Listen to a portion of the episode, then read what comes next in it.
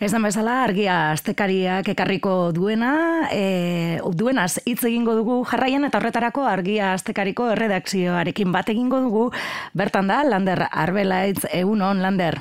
Kaixo, egunon. Bueno, ba, e, azken asteetan horren beste hitz egin dugu Donald Trumpen inguruan, eta hori ere hartu duzue izpide e, urrengo argiarako, ez? E, argia berrirako, ez? Donald Trump agertuko zaigu azalean. Bai, egia zen ez geneuka aurrikusita estatu batuen hauteskundei ematea zala, baina Trumpek irazi zuenean, ba, bueno, egia zen badira gai batzuk mundu osoko edabideak edo pixkat kokatzen dituna, eta erabaki genuen eduki batzuk altxatzea, eta Donald Trumpi ematea zala aldaketaren trampa e, izen burupean. Eta hiru analizi, ez? E, batu dituzu, ez? Aldaketa honek dakarren inguruan hausnartzeko, ez? Asier López, Asier Blas eta Ignacio e, Ramoneten analiziak, ez? E, topako ditugu bertan.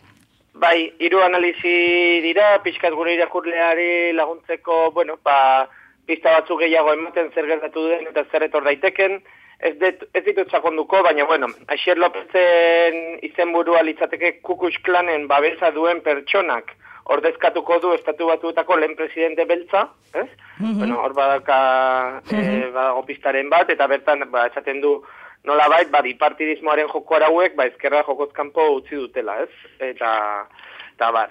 Azier Blasen artikuloa da, litzateke ekonomia da ergela, ez? Eta bertan esplikatzen du, Trumpek ze bueno, estrategia politiko erabili duen, ba, batetik boto emaile konservadorea fidelizatzeko, ez? Adibidez, ba, abortuaren aurkako mezuak bidali, edo zerga jistearen alde, edo armen gaineko kontrolaren aurka, baina aldi berean baita ere nola globalizazio neoliberalaren galtzaien nagusiak identifikatu eta horiek elikatu dituen, ez? E, ba, bueno, aipatuz, ba, Pues bueno, ez dakit, e, arrotasun nazionala, botere uh dira, e, diktadura, establishmenta eta bar horren aurkako mezuak bidali.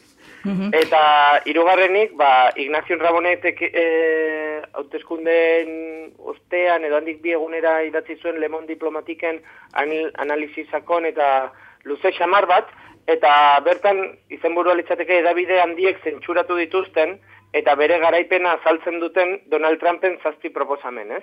Eta bertan, bartikuluak esplikatzen du, ba nola, denok entzun ditugun, e, etorkinak kanporatuko ditula, e, emakumen aurkako esan dituen astakeriak, eta e, arrazi, e, komentario arrazista pila bat nola egin ditun, baina aldi berean nola estatu batuetatik kanpoko edabideek, ez dioten bateri hori hartzunik eman, zazpi proposamen potolori, ba, adibidez Wall Streeten e, korredore izergak nabarmen igoko edo uh Errusiarekin aliantza egin nahi duela Estatu Islamikoaren aurka, eta horrela, hola zazpigako kontatzen ditu, Ignacio Ramoneta, el, el Mon Diplomatikeko zuzendaria, eta Bueno, nik uste badirela pista gehiago ere, ba, pizkat kokatzeko gugeu gertatu denaren aurrean. Mm Bueno, ba, artikulo sakona, Donald Trumpen garaipenaren inguruan, hiru analizi, baina bestelako gaiak ere bildu dituzue argian, eta horietako bat, e, bueno, ba, erreportaiean, emakumezkoen antizorgaiu hormanalen e, albokalteen inguruko erreportaia ere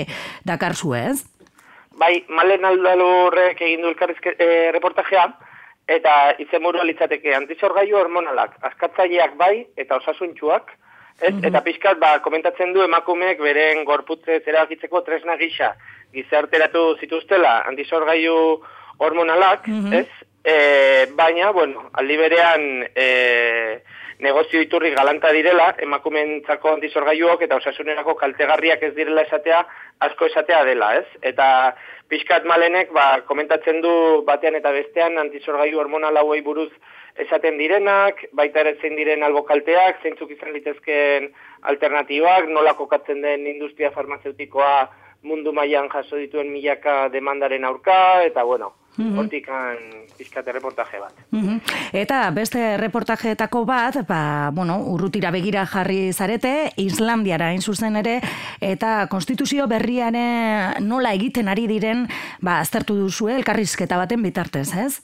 Bai, Katrin Otzdotir, izeneko emakume bat etorri zen lengo astean, donostiara, hemen argiak eta argiako taldeak antolatutako euskara bildua jardunaldietara, eta bertan harrapatu genuen, eta bertan, ba, bueno, Arantza Sant Estebanek egindako elkarrizketan ba, kontatzen du nola 2008ko krisialdiaren ondoren ba, askotariko reakzioak egon zirela munduko bazter askotan, e, herri gehienetan mobilizazioek hartu zutela garantzia, baina Islandian ba, prozesu eratzaile eta legegile bat e, ko indarra egiten hasi zirela herritarrasko eta bueno, herritarren neurrira indako instituzioak aldarrikatu zituztela, ez? Eta bueno, bertan kontatzen du e, nola konstituzioa aldatzeko mugimendu bat sortu den, betik angora, e, nola e, herrialde osoan egin zuten mila, mila pertsona aukeratu zituzten erdiak emakumeak, erdiak izona, herrialde osoko jendea, eta nola pixkanaka joan ziren denen artean saiatzen idazten ideologia ezberdinetako jendea, konstituzio berri bat e, lagunduko zuena ba, bankuei eta e, finantza krisi guztionen aurrean berriro herrialdea beste eskema batzuetan kokatzen, eta, bueno, egia esan, e, ondo hasi zena, gerora instituzioak trabatu dute, mhm. eta borroka bezala planteatzen dute, eta, bueno, egia esan elkarrizketa interesgarria da, gako batzuk ematen ditu, nola guk ez dakagun ez da gure konstituzioa, ba, e, ere, ez ulertzeko mutu mailako beste prozesu politiko batzuta nola, nola egin duten, ez? eta gauzak badauden. bueno, ba, oiezek eh, gaur aipatu nahi genituenak, eh, argiak, ba, hainbat kontu gehiago ere kartzen dituelako, baina hauek hiru nabarmendu ditugu gaurkoan, eh, eskerrik asko lander, datorren astean ere bat egingo dugu argia astekariarekin. Oso ondo, eskerrik asko zuei. Agur. Agur.